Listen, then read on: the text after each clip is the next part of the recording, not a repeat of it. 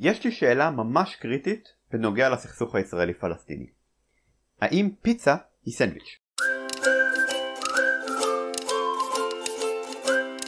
האם פיצה היא סנדוויץ' זו שאלה שחובבי הגדרות מדויקות מתפלפלים בה כבר שנים.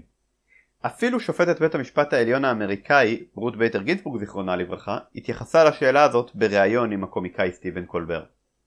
המהות של השאלה היא פשוטה. אחת ההגדרות של סנדוויץ' היא פרוסת לחם מכוסה במזון.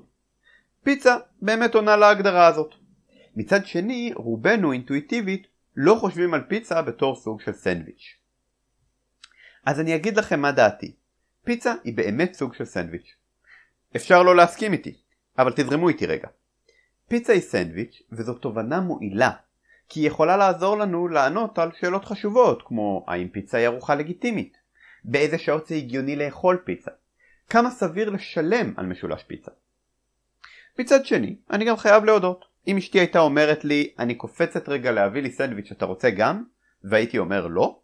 ואז היא הייתה חוזרת הביתה עם משולש פיצה? הייתי מרגיש מרומה. היא הייתה צריכה לשאול אותי אם אני רוצה פיצה. למה? כי פיצה היא אולי סוג של סנדוויץ', אבל היא לא מה שקופץ לנו לראש כשאנחנו שומעים את המילה סנדוויץ'. להגיד סנדוויץ' כשהכוונה היא לפיצה זה מטעה. אז הנה העיקרון.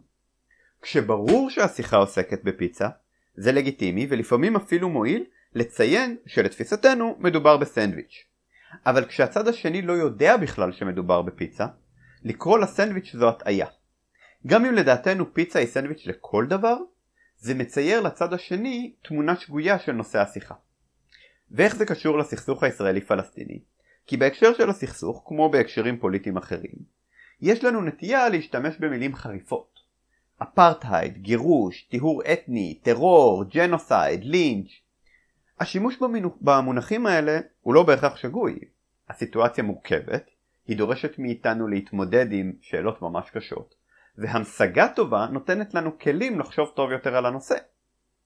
אז אם הדיון הוא על התגובה הנכונה לזריקת אבנים למשל, האמירה שזה פיגוע היא לא רק לגיטימית, היא גם ממש אמירה שתורמת לדיון, כי היא נותנת נקודת מבט אפשרית על הנושא, וקושרת בינו לבין שאלות כלליות יותר שלגביהן כבר יש לנו מחשבות מגובשות יותר. באותו אופן, אם הדיון הוא על המוסריות של פינוי משפחות פלסטיניות בשייח' ג'ראח, והאמירה היא שזה תיאור אתני.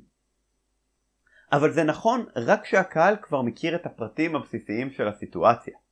כשהוא לא, למשל כי הוא קהל אמריקאי או אירופאי, והוא בעצם לומד על המצב מתוך המילים שלנו, אז השימוש במילים כמו טרור או טיהור אתני מצייר לו תמונה שגויה מאוד.